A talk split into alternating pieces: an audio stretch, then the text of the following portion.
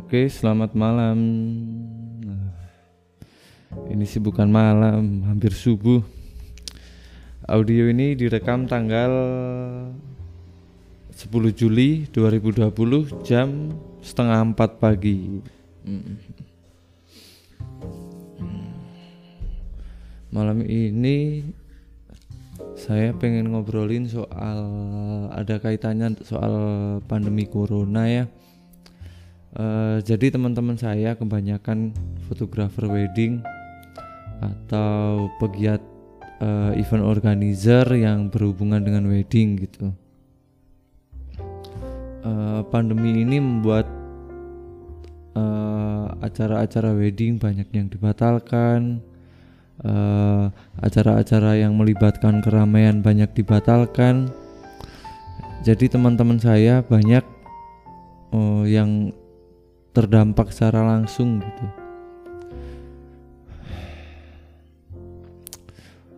Eh, saya lihat di forum-forum jual beli kamera banyak banget yang sampai lensa dan kameranya dijual untuk bertahan hidup selama pandemi.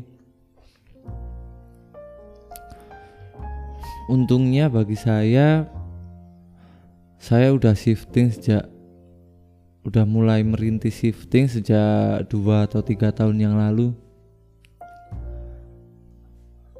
Eh, jadi saya menemukan titik jenuh bekerja di dunia wedding. Saya menemukan titik jenuh bekerja di keramaian, bekerja dengan eh, tim besar. Jadi saya mulai shifting untuk eh, ganti ganti bidang gitu. Saya mulai menginvestasikan uang untuk membuat studio. Saya mulai eh, membangun skill lagi untuk eh, portrait fotografi. Jadi menurut saya waktu itu eh, fotografi kita jual fotografi nggak cuma bisa nggak hanya nggak harus di wedding gitu fotografi itu nggak cuma bisa dijual di wedding. Jadi menurut saya banyak banget dari eh, aspek-aspek yang bisa kita jual di fotografi. Bisa foto produk bisa foto studio bisa newborn eh, banyak lah. Eh, kalau di di luar bidang fotografi misalnya satpam deh dulu mungkin kita lihat satpam itu selalu yang badannya kekar pakai seragam kaos ketat. Itu mungkin satpam di era digital ini bukan satpam yang seperti itu yang banyak dicari orang. Mungkin satpam yang banyak dicari orang di era di- digital ini justru anak-anak culun yang main laptop sehari-hari main komputer sehari-hari jadi ya saya pikir di fotografi pun gitu mungkin.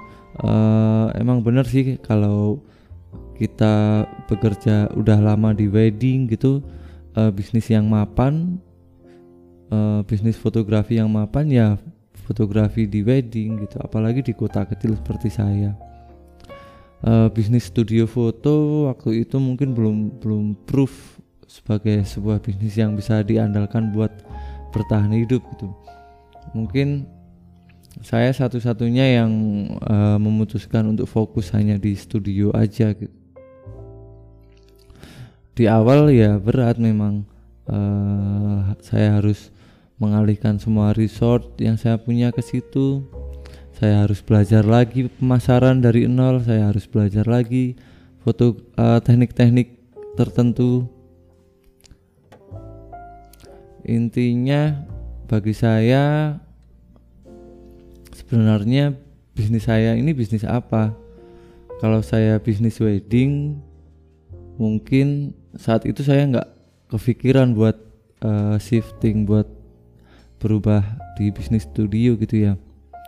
Mungkin saya pun saat ini kena dampak juga di eh, di kala pandemi corona kayak gini kalau saya berpikir bahwa saya berada di bisnis wedding sekarang wedding udah nggak ada.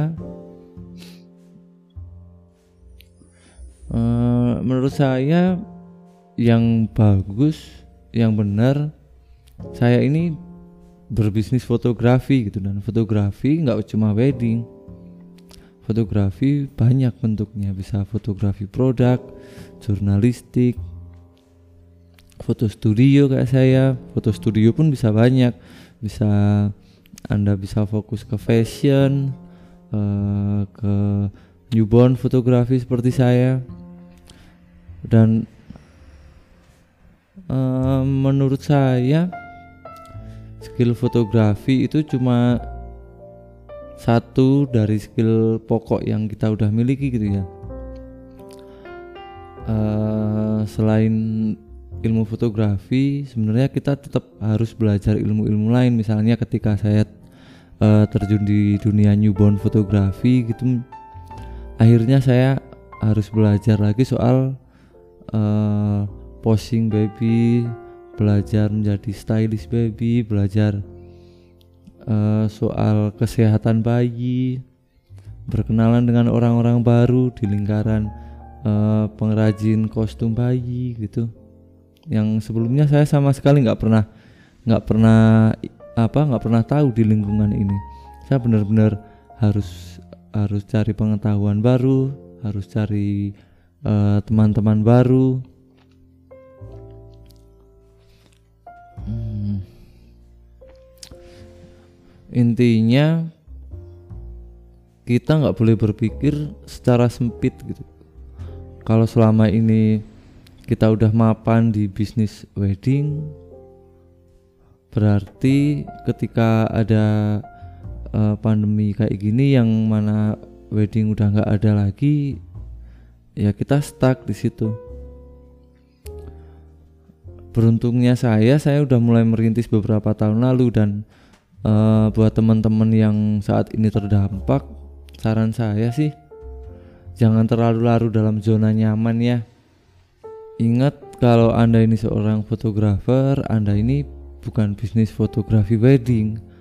Anda bisa jual fotografi dalam banyak bentuk gitu.